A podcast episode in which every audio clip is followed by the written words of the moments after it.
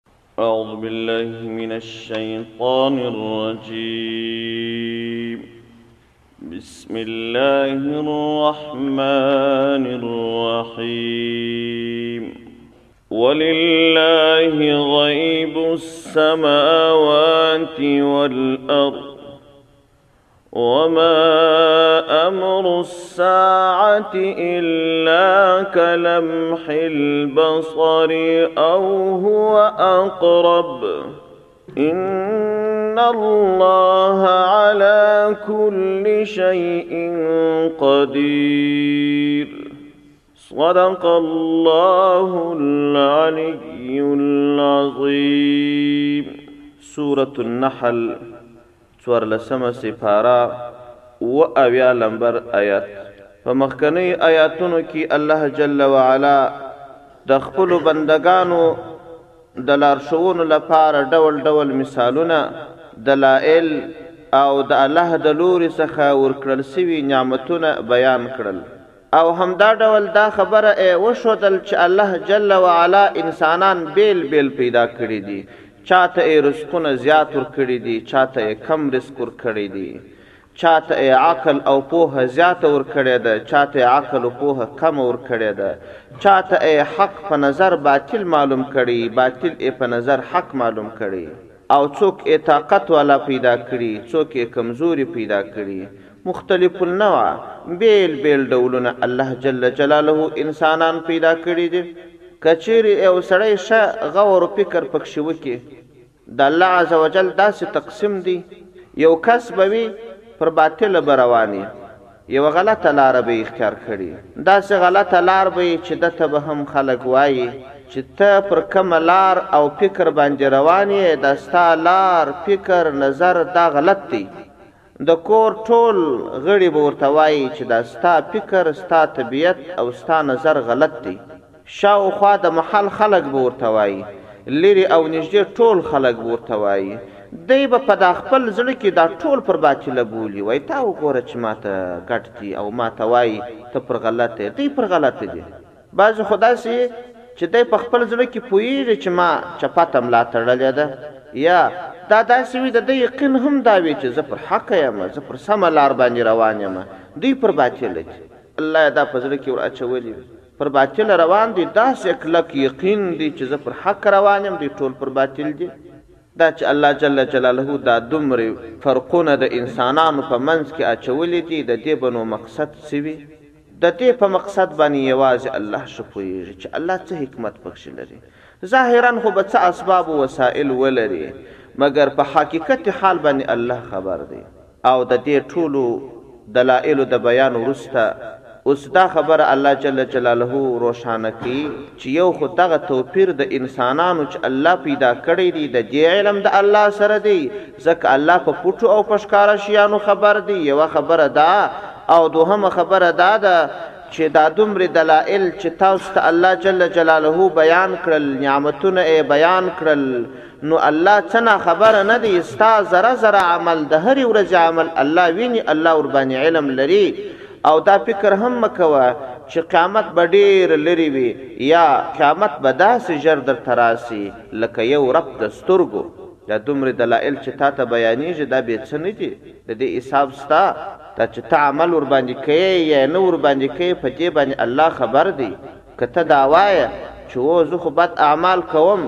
الله هم را باندې خبر دی قیامت خو ته خبر چې څه وخت راسي بیا به الته ګورو یا قیامت هم ډیر نږدې دی د دې خبرې وروسته بیا الله جل جلاله ای انسانه هغه نعمتونه الله درته بیانوي کوم چې الله تا ته درکړي دي دا د الله رحم دی چې تاته دومرې دلائل وايي، کنه نو انسان په دې څه ارزي چې دومرې لوی باچا او دومرې لوی ذات دي دلائل ورته پېش کړي د ده د پوهولو لپاره. الله عزوجل فرمايي، ولله غيب السماوات والارض، ولله خاص الله لره غيب السماوات هغه نا ليدلي او پټ شيان د اسمانو دي والارض او د مځکې دي په ټولو الله خبر دی په ټولو نا ليدلو شيانو الله خبر دی ای انسانه! په هر هغه څه چې ته پوهېږې او په هر هغه څه چې ته نه پوهېږې، په ټولو الله خبر دی. دا چې بېل ډولونه الله انسانان پیدا کړي دي، په دې هم الله خبر دی. دا چې انسانه ته کوم اعمال تر سره کوې، په دې هم الله خبر دی. که ښکاره عملونه کوې، که پټ عملونه کوې، که ښه کوې، که بد کوې، په ټولو الله خبر دی. او دا دومره دلائل چې درته پېش کړي دي، د دې دومره دلائلو د پېشولو څخه وروسته ستا په اعمالو هم علم لري نو بيا به خلاص نه شې، خپل عمل نتيجه به خامخا ووينې. که ته وايې چې قيامت خو بيخي لرې دی، الله فرمايي، وما امر الساعة، نه دی امر د قيامت، کار د قيامت، الا خو بيا دی کلمح البصر، لکه يو رپ د سترګو،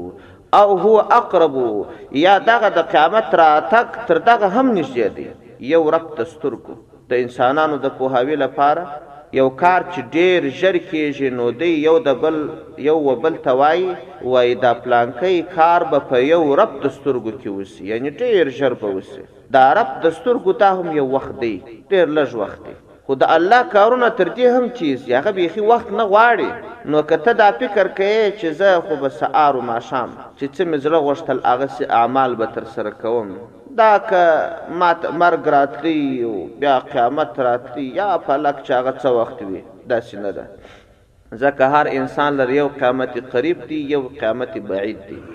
قیامت قریب د انسان لپاره دا دی چې دا محض تا د دنیا ژوند ختم سو د دنیا ژوند خلاص سو نو په څو ثانیو کې به روح د څخه وځي او په څو ثانیو کې دا د روح وتل چې کیږي په دغه حالت کې به هم ته ملائکه د عذاب وویني که بد عمله وې د سي به پوه سې د يو بل عالم د ورتګ حالات به ووينې دا وګورئ دا قانون دي که چيري يو ځای اور بل وي او ډيره غټه لمبه يي نو يو متر چې ته ور نژدې سې د دې اور توښ به پر تا مښلي حال به بل سي که ته د يو شي خنکي هوا څخه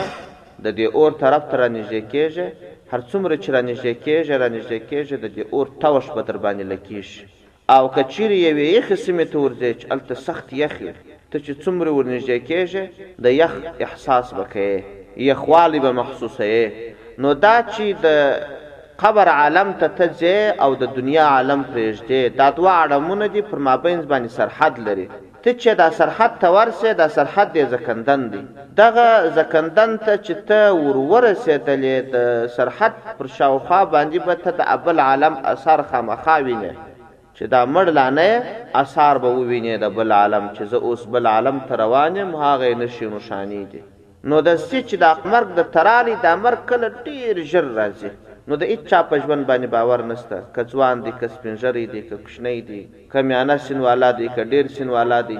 په یو رپ د سترګو کې مرګ ورته راځي یو عالم بیان کاوه وایي یو ځای لیرې په سفر باندې یو ښار ته څه کسان تللي وه د دعوت دپاره نو په هغه ښار کي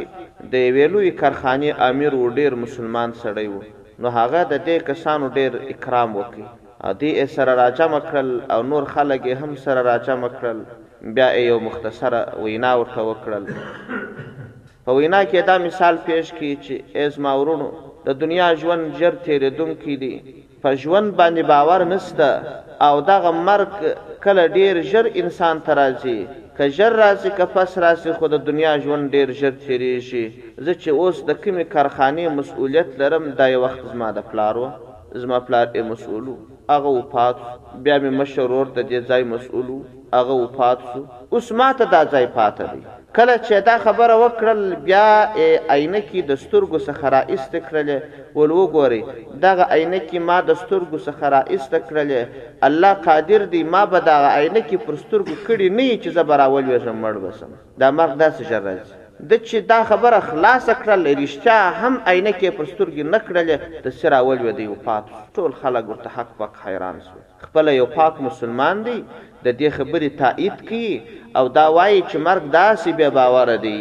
او داسې ژر راځي لکه یو رپ د سترګو، تر دې لا هم ژر راځي، د مثال لپاره یې خپله عینکې را ایسته کړلې، ول وګورئ، الله پر دې قادر دی، ما به دا عینکې بېرته پر سترګو کړې نه وي چې مړ به شم، هغه د رشتیا راولوې دی مړ شو عینه کې جلاوې دی جلاو نو ځکه الله عز وجل فرمایي وای دا ستا د پاره قیامت دی ته دا پروا مکوه ساده عینه کې به دې پر سترګو کړې نه سایدا ورکه د قران کریم به دې راړولې نه په پوښ کې به دې نه اچولې تر مشت به وتلې نه بیا به مرګ در تراسي وما امر الساعه الا كلمح البصر ندی کار د قیامت راتګ د قیامت مګر لکه یو رب تسترګو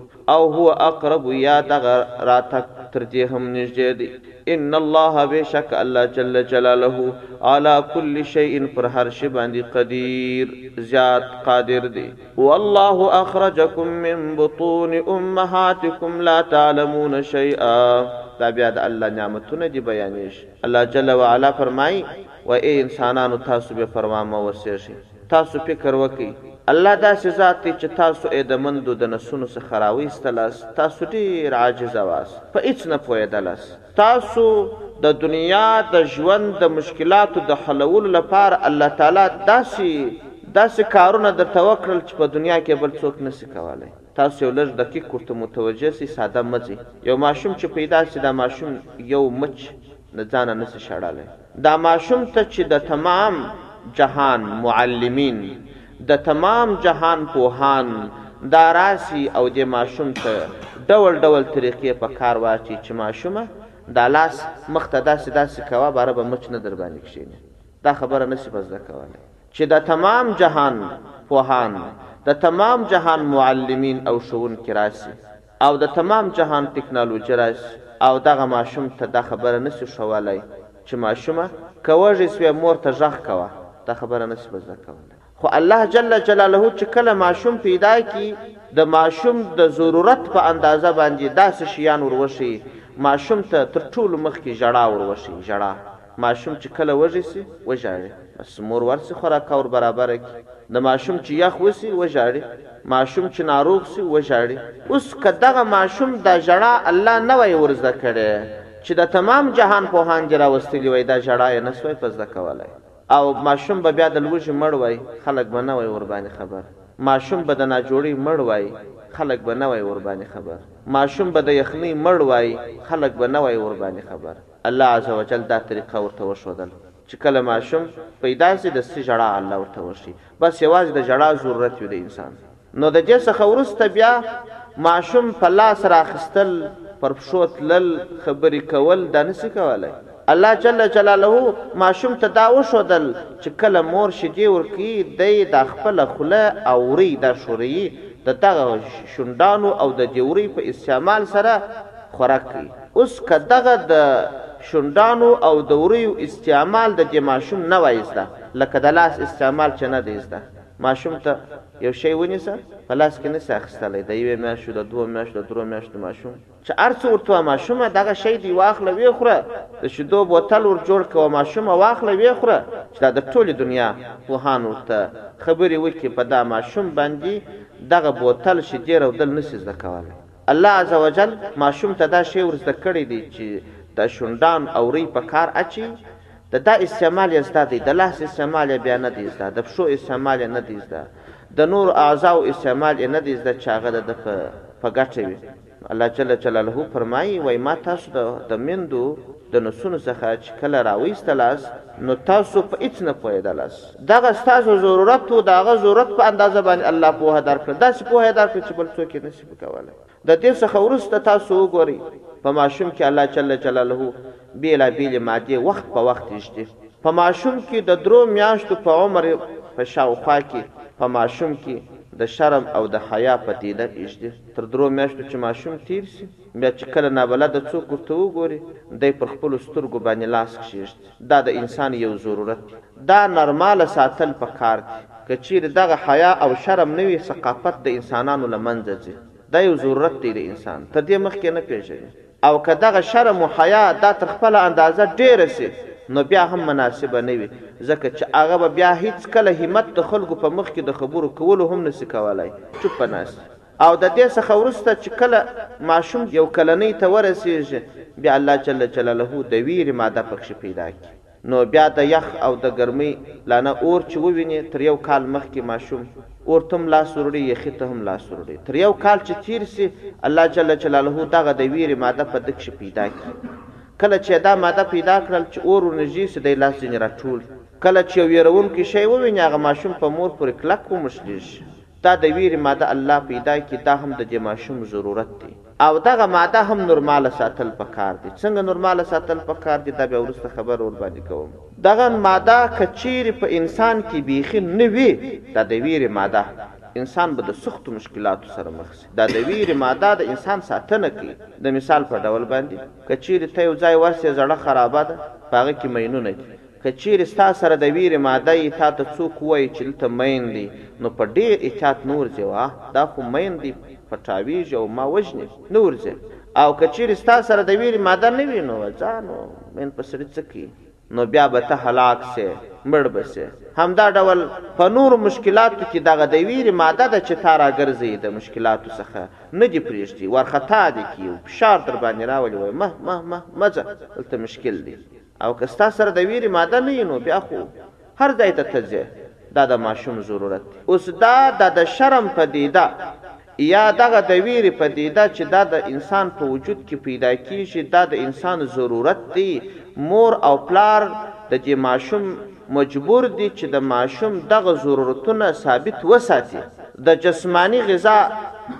مسؤلیت ئې پلار پر غاړه اخستی دی داسې خواړه به ورکوي. چې د ده د بدن ضرورتونه پوره کړي، د ناجوړۍ و د هلاکتو یې راوګرځوي. په عام ډول سره خو مور او پلار په دې کې ډېر کوشش کوي، خو دا چې د ماشوم باطني ضرورتونه دي، هغه ته هم باید متوجه شي. باطني ضرورت یې دا دی،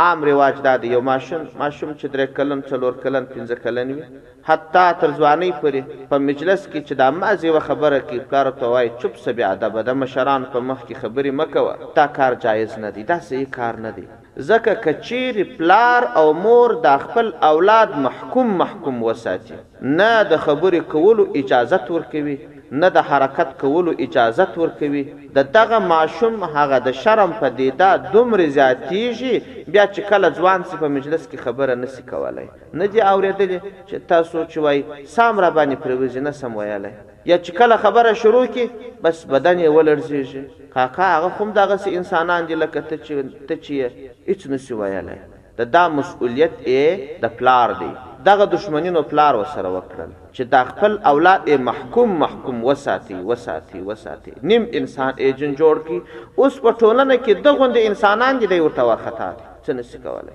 نو ماشوم هغه به داسې وي په مجلس کې به د خبرو کولو اجازت ورکوې ماشوم که هر ډول خبره وکړي تا دې دئې بې نه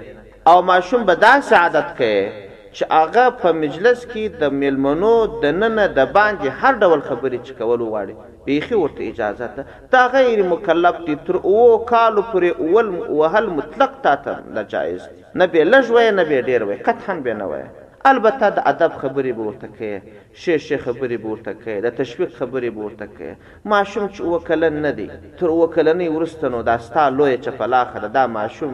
رشتې د دې طاقت لري او ستا لښته او چلاخه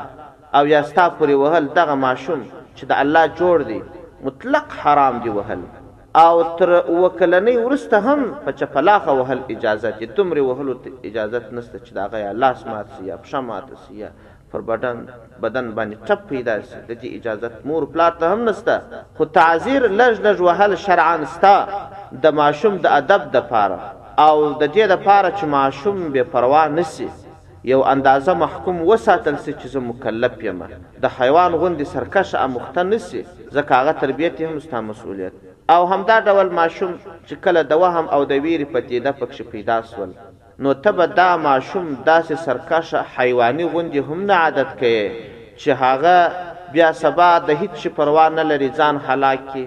او دا د وهم پدیده به ئې ډېروې هم نه چې تۀ سخت سخت وئې سخت سخت ئې وئې اخر کې هغه داسې وامجن شي چې مازې چاته وګوري بدن ئې ولړزېږي. یا داسې هم نه، نو په دغه اندازه باندې وهل چې هغه د ماشوم هغه د ویرې پدیده دومره ډیره کړي چې بیا د هر چه څخه ویریږي دا هم جایز نه دی. حاصل و خلاصه دا چې مور او پلار د ماشوم لکه څرنګه چې په غذا کې مسؤول دي دغسې په معنویاتو کې هم مسؤول دي، په معنویاتو کې د ماشوم د شرم پدیده ده. حضرت رسول اکرم صلی الله علیه وسلم په مجلس کې ناست و، د رسول اکرم صلی الله علیه وسلم د اوبو چښلو ضرورت شو نو یو چا ته امر وکړ هغه اوبه راوړي، و څنګ ته یې ماشوم ناست و، د پیغمبر علیه السلام د ماشومانو سره ډېر محبت و، دا ماشوم ته یې وویل چې ستا اجازه ده چې زه اوبه وچښم؟ دا خبره چې پیغمبر علیه السلام دې ماشوم ته کول مقصد یې دا نه دی چې اوس نو دا ماشوم مقام تر پیغمبر علیه السلام لوړ دی، پیغمبر علیه السلام اجازه ځنې غواړي، مقصد یې دا دی چې دا ماشوم په دې مجلس کې دلاوره کول او ماشوم په دې مجلس کې د خبرې حق ورکول دا دي. یوه ورځ پیغمبر علیه السلام د یوې درختې اړونده پوښتنه وکړه، صحابه وو بېل بېل نظرونه ورکول، عبدالله ابن عمر رضی الله عنه ماشوم و، دی روایت کوي، بیا وروسته پیغمبر علیه السلام وښودل چې دا د خرما درخته ده. دی فرمایي، وایي زه چې کله د خپل پلار عمر فاروق رضی الله عنه سره راووتم، ما ورته وویل، مال پلاره! زما په زړه کې ډېره راګرځېدل چې دا درخته د خرما درخته ده، خو ما نه شوای ویلی، ما په دې وجه نه ویل چې تاسو زما پلار یاست، دا پیغمبر علیه السلام او دوهم خلیفه دی او ابوبکر رضی الله عنه داسې لوړ پوړي صحابه ناست، زما لپاره یو ډول بې ادبي وه. وایي، پلار ما ته وویل، عمر رضی الله عنه، چې کاشکې دې دا خبره کړې وای، تا د دې خبرې اجازه درلوده، تا د دې خبرې حق درلود، نو دغسې ماشومان د خبرې څخه په مطلقه منع کول جائز نه، څو دوی د خبرو کولو لپاره جرأت او همت هم پیدا کړي. د دې څخه وروسته الله جل جلاله انسان ته د اوریدلو قوه، دا ورکوي، عقل ورکوي، زړه ورکوي دا ټول د الله تعالی نعمتونه دي سترګې ورکوي دا د الله تعالی نعمتونه دي دغه نعمتونه الله جل جلاله یادوي والله اخرجکم من بطون امهاتکم والله الله جل جلاله اخرجکم را ایستلي یاست تاسو من بطون امهاتکم د نسو څخه د میندو ستاسو لا تعلمون چې تاسو نه پوهیږئ شیئا تاسو نه پوهیدلاست شیئا په هیڅ شي باندې په هیڅ نه پوهیدلاست. الله لارې درته وښودلې ګام پر ګام ئې ستا حفاظت وکړ. وجعل او وې ګرځول لکم تاسو ته ستاسو لپاره السمع اورېدل د اورېدلو قوه الله تعالی درکړل والابصار او د ليدلو قوه الله درکړل ليدل کولای سي والافئدة او زړه لعل د پاره د دې چې کوم تاسو تشکرون تاسو شکر ادا کړئ. وګورئ دا د ماشوم د پیدا کیدلو وروسته د پوهي لاسته راوړلو اسباب دي هغه اوریدل، لیدل او زړه که چیري یو سړی اوریدل نه سي کولای کوڼ وي نو دغه کوڼ کس چي دی دا به بیا ګونګی هم وي خامخا نو اوله اوله اله د علم اوله اله د پوهي دا اوریدل دي که چیري یو سړی د اوریدلو قوه نه لري نو هغه هیڅ نه سي زده کولای. هر څوک چې ورته ګډ وي، هر څه چې ورته وايي، وايي، وايي، نتيجه نه لري. اول چې علم لاس ته راوړل کېږي، د غوږو په واسطه باندې لاس ته راوړل کېږي. او دوهمه اله د علم لاس ته راوړلو هغه سترګې دي. که چېرې يو سړی په سترګو ويني، کتاب کتلی شي او د خير او د شر تميز کولی شي. او بیا عقل و زړه دا هم په دې کې غټ اثر لري، ځکه عقل و فکر که نه وي، نو بیا خو دغه پوهه لاس ته نه شي راوړل کېدلای. او خبرې کول دا یې ځکه نه کوي ذکر چې خبرې کول دا و نورو ته د علم ورکولو اله ده، د خپل لاس ته د علم راوړلو اله اورېدل او لیدل او زړه دی، دا الله بیان کړي دي. ځکه الله عزوجل فرمايي، وجعل او ويې ګرځول لکم تاسو ته السمع، اورېدل، والابصار، ليدل، والافئدة، زړه، لعل د پاره د دې چې کوم تاسو تشکرون تاسو شکر وباسي، دا څومره نعمتونه دي، دغه نعمتونه لږ دي چې الله تاسو ته درکړي دي، سبحان الله، دغه نعمتونه خو په دنيا کې په پيسو نه رانيول کېږي، نه پیدا کیږی د الله مفت تاته درکړی دی نو ته د دغسی الله عزوجل څخه بی پروا ژوند کوی دا به ډیره بی عقلی نه وی ډیره ناپوهی به نه یی الم یرو الی الطیر مسخرات فی جو السماء الم یرو آیا نه ګوری دی الی الطیر و مرغت مسخرات چی هغه تابع دی فی جو السماء په منځ کی د اسمان جو السماء جو دا فضا ته ویل کیږی په منځ کی د مځکی او د اسمان دا فضا چې ده دې ته جو ویل کیږي. د دې اسمان په فضا کې دی تابع دي، ګرځي او راګرځي، الله عزوجل طاقت ورکړی دی، الله ورته رهنمايي کړې ده، الله ورته اسباب او وسائل برابر کړي دي. ډېر وخت داسې وي دغسې مرغۍ وي وزر لري، بڼکې لري، الوتل نه شي کولی او دغه مرغان دي الله عزوجل اسباب ورکړي دي دا بیا الوزي و دې ته دی نه ګورې. دغه مرغان الله عزوجل څنګه پیدا کړي دي څنګه په فضا کې ګرځي ما یمسکهن الا الله نیول د دوی نسي کولای ما ما سوا د الله څخه دا یوازې الله لاره ورته ښودلې ده او د الله قابو ورباندې سته د بل چا قابو ورباندې نسته. ان بېشکه فی ذلک، په بیان کې د دغه شیانو، لآیات، دلائل دي لقوم هغه قوم لره یؤمنون چې ایمان لرونکي دي. او بل نعمت دا دی، عجائبې خبرې دي، والله جعل لکم من بیوتکم سکنا والله الله جل جلاله جعل ګرځولي دي لکم تاسو لره من بیوتکم د کورونو څخه ستاسو سکنا سکون او ارام الله جل جلاله د انسان سکون او ارام په دوو شیانو کي ایښی دی. کور او حلاله نکاح، په مخکې آیاتو کې ئې د دې بیان هم وشو. هر هغه کور چې ستا ارام او سکون پکښې وو دا ستا کور دی، هغه که ښه جوړ وي که بد جوړ وي، که ساختمان ښه وي، متوسط وي او که ادنی وي. هر هغه کور چې ستا ارام او سکون پکښې نه وي، هغه که هر څومره ښایسته جوړ وي، بیا ستا د پاره کور نه دی ستا لپاره زندان دی هغه که ښه جوړ وي که بد جوړ وي چې ستا سکون نه وي پکښې دا کور نه دی کور دا الله جل جلاله د انسان لپاره سکون پیدا کړی دی یو کس چې په سفر تللی میاشتې میاشتې ورځې ورځې یا وتلی د باندې سهاره څه تر ماښامه ماښام چې خپل کور ته راشي ارام او سکون کوي. په دې کې اطمینان د زړه وي او په دې کې د ستړیاوو د له منځه وړل وي، په دې کې نس مړول وي، په دې کې د مشکلاتو لرې کول وي او په دې کې د ده د حفاظت اسباب وي، بس دا سکون دی او که نا ارامه وې چې هر رقم ښه کور وي هغه ستا لپاره کور نه دی او همدا ډول حلاله نکاح دا د انسان لپاره سکون دی، هر ډول ښځه چې وي چې کله د نارینه پر طبیعت باندې ئې ګزاره ورسره نه وي او نارینه چې کله کور ته راسي د ښځې په لیدلو یا د ښځې په اعمالو نا ارامه کیږي دا ښځه ښځه نه ده او دا واده واده نه دی دا نکاح نکاح نه ده او که چیري یوې ښځې داسې اعمال او داسې اخلاق ترسره کول چې کله ئې خاوند د ستړیا او د سفر څخه راسي، د دې په لیدلو، د دې په اعمالو، د دې په ویناوو باندې سکون ورته پیدا شو، د دې سړي نکاح نکاح ده، واده ئې واده دئ، نو لهذا ټولي ښځي د الله د لوري څخه په دې مکلفي دي، دا د دوی پر ذمه باندي د خاوندانو حق دئ، چي د خاوند رضا به حاصلوي، خامخا پر هغه ښځه باندي د الله لعنت اوري چي خاوند ځني ناراضه وي. د هغه شذ عبادت نه قبليږي چې خاوند ځنی ناراضه وي لمونځ او روزه صدقه دا نه قبليږي چې خاوند ځنی ناراضه وي خاوند به شذ راضي کوي اوس رالو دې خبرې ته چې کله کله شذ داسې وایي چې خاوند می پر باطل دی زه پر حق یم دا چې خاوند پر باطل دی شذ پر حق ده دا فیصله به دا شذ خپل نه کی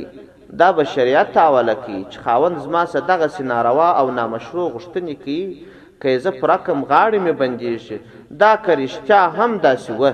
خاوند نامشروع غوښتنی ځنی کولی بی دینه کس وو بی لمانځه کس وو تلویزون والا وو سینما والا وو ناروا کارونه یی په ښځی باندی کول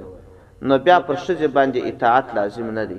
او که چېرې داسې و چې ښځه خپله پر باطله روانه وه چې پاته یې ملا تړلې وه او خپل په ګمان ېې دا ویل چې ونا زه پر ښه لاره باندې روانه یم نو په دې ځای کې بیا ښځه ملامته ده او که چېرې پیغمبر علیه السلام وایي وایي که چېرې د الله بغیره بل چاته د سجدې کولو اجازه وای ښځو به خپلو خاوندانو ته سجده کوله د دې خاوندانو پر ښځو باندې هم دومره حق دی. او د دې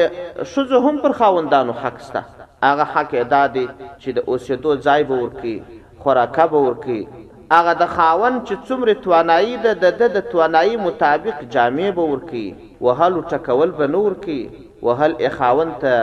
جائز نه دي، البته په بعضو صورتو کې چې ښځه ناشزه شي، د کوره وځي او د خاوند امر نه مني، په هغه صورت کې بیا خاوند ته په چپه لاخو وهل اجازه شته چې په بدن کې یې ټپ پیدا نه شي او اډ یې مات نه شي دومره قدر وهل او پر دې باندې به یې خاوند نه ویې چې تا ولې ډوډۍ سورکه کړې ده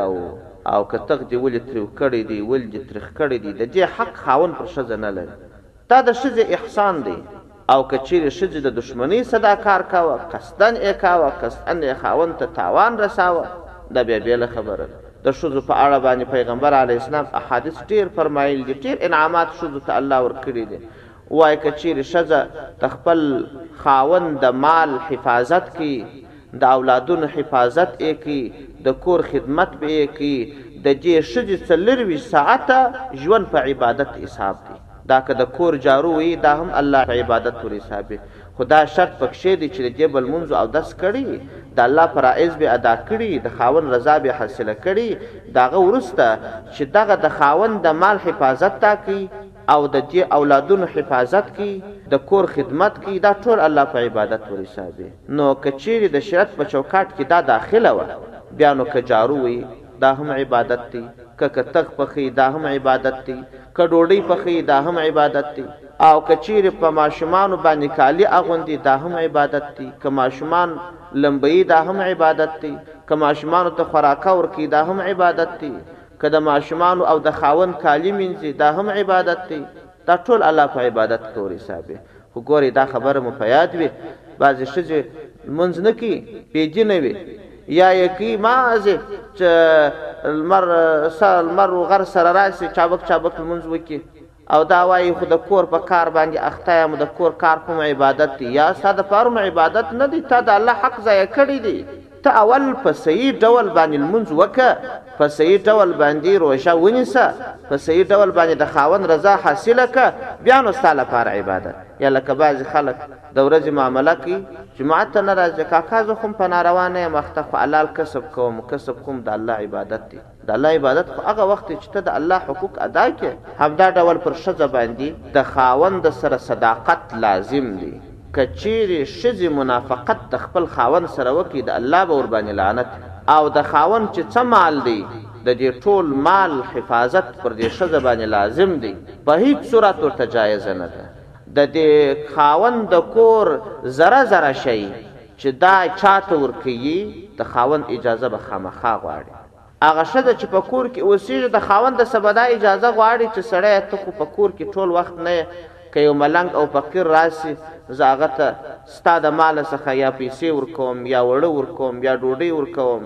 یا یو زړه جامه ورکوم ستا اجازه ده که یا که چیرې د خاوند اجازه نه وي ورته دا ښځه که دا مال ورکړي خیرات خو نه دی چې نه دی حرام کار یې لا وکړي غلا یې وکړه، خاوند مال یې ضایع کړ او همدا ډول دا ښځه که چېرې په دوستانو، قریبانو، شناختوو کې یو چا ته تحفه ورکوي، که لږ شی ورکوي که ډېر ورکوي، که د یوې افغانۍ شی ورکوي که د سلو د زرو د ورکوي د خاوند اجازت به خامخا غواړي او همدا ډول بعضې ښځې داسې کوي چې دا ماشومانو ته کومې پیسې چا ورکړي هغه پیسې ځینې اخلي سره جمع کوي یې، ماشوم حق د ماشوم دی مور پلار ته جائز نه دي چې د ماشومانو پیسې وخوري پخپله. ماشوم ته په اختر یا په داسې نورو ځایو کې قریبانو دوستان راشي په مبارکۍ کې پیسې ورکوي دغه پیسې به د ماشومو څخه مور نه اخلي که یې واخیستلې ورساتي بې د ده په کار بې وراستعمالوي په خپله به یې نه ځینې خوري دا خو نو د خلکو رواج دی وایي کاکا دا خو زما زوی دی کوچنی مې لوی کړی دی نو زما او د ده د پیسو بیا څه فرق دی یا یو شرعي حکم دی یو ستا ګمان او ستا فکر دی ستا په ګمان او په فکر باندې دا لویه د الله باچهي نه چلیږي. د الله چې څنګه فیصله ده هغسې به کوې. د دغه ماشوم پیسې دې ورجمع کړلې، ماشوم ته یو شی په ورانې سه چې د ده ضرورت وي. هغه ښځې خو نو یې ځنې اخلي، دا د اولادو پیسې داسې بولي لکه تیاره د بېنک ګټه چې ورته راروانه وي. خو ته جایز نه دي او که دی وای چې ماشوم یې په خپله خوښه راکوي، د ماشوم تحفه هم نه ده صحیح، خاص به د ماشوم شی په وراني سه. دا هم جایزه ده چې پلار یې راواخلي، پیسې ځینې واخلي، وایي ځه نو خو زه اولادو ته ډوډۍ راوړم په هغه کې مې مصرف کړلې، جایز ده. او مور یې دغسې وکړي چې ماشوم ته مې کالي په ورا نیولی، یو بل شی مې په ورا نیوی، خو د ده په مصارفو کې به استعمالوي، که د خوراک وي، که د چښاک وي، که د کالو وي. په هر صورت دا خو د کورني ژوند مسایل دي، ډېرې دي، اصلا د تا خبرې سره دا څه خبرې مناسبې مې وبللې، اوس ولې که څوم نورې مسایل هم شته، خو دا ضروري شیان دي. والله جعل لكم من بيوتكم سكنا والله الله جل جلاله جعل ګرځول دي لكم تاسو ته من بيوتكم د کورو څخه تاسو سکنن سکون او آرام وجعل ګرځول دي الله جل جلاله لكم تاسو ته من جلود الانعام د څرمونو څخه د حیوانانو بيوتن کورونه تستخفونها چې تاسو په اسانۍ سره دا کورونه وړي یوم ظعنکم په وخت کې د سفر تاسو و یوم اقامتکم په ورځ د اوسیدو ستاسو د حیوانانو د پوستو څخه تاسو خیمې جوړوئ بیا که چیرې تاسو سره خیمه در سره وي نو هلته بیا دیوالونه او تیران او لرګي نه غواړي بس هغه خیمه ده د سي لرګي تر لاندې که ستا کور سو ور اسانه دی سپک دی بیرته هغه خیمه د سره ټولې که پر حیوان ئې باره که بار که ځا د دې ځایه څخه. تستخفونها یوم ظعنکم، اسانه دي تاسو ته په وخت کې د سفر ستاسو، په وخت کې د اوسېدو ستاسو، ومن اصوافها د وړیو څخه د دې پسو، واوبارها او د وړیو څخه د اوښانو، واشعارها او د وړیو څخه او د وېښتانو څخه د بزو، اساساً سامان دی د اوسېدو او د استعمال شیان د دې څخه جوړېږي، کالي ځینې جوړېږي او د اوارېدو شیان ځینې جوړېږي، تارونه د هغه تارو څخه بیا مختلف النوع شیان. ومتاعا سامان الی حین ترې وخته پورې. والله الله جل جلاله جعل ګرځولي دي لکم تاسو ته مما د هغه شیانو څخه خلق چې پیدا کړي دي الله جل جلاله ظلالا سوري وجعل ګرځولي دي الله جل جلاله لکم ستاسو لپاره من الجبال د غرو څخه اکنانا د پټېدو ځایونه وجعل ګرځولي دي الله جل جلاله لکم ستاسو لپاره سرابیل قمیصونه تقیکم چې تاسو ساتي الحر د ګرمۍ څخه وسرابیل او قمیصونه تقیکم چې تاسو ساتي باسکم د جنګ څخه ستاسو چې زغري دي کذالک په دغه ډول باندې یتم پوره کوي الله جل جلاله نعمته نعمت خپل علیکم پر تاسو باندې لعل د پاره د دې چې کوم تاسو تسلمون تاسو تسلیم سئ، غاړې کښېږدئ د الله و احکامو ته، فإن تولوا فإنما عليک البلاغ المبين، فإن تولوا فس که چېرې وګرځېږي دا خلک د الله د دینه څخه، فإنما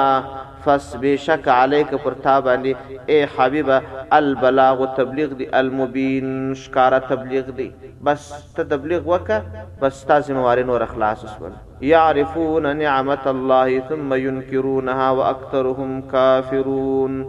يعرفون دوی پيژني نعمت الله نعمتونه د الله جل جلاله د الله جل جلاله نعمتونه پيژني ثم ينکرونها بيا بيرته جن منکران ګرځيږي د الله نعمتونه پيژني چې دا د الله نعمت او خو بيا بيرته شکر نه ادا کوي الله ته تسليميږي نه دا انکار دی.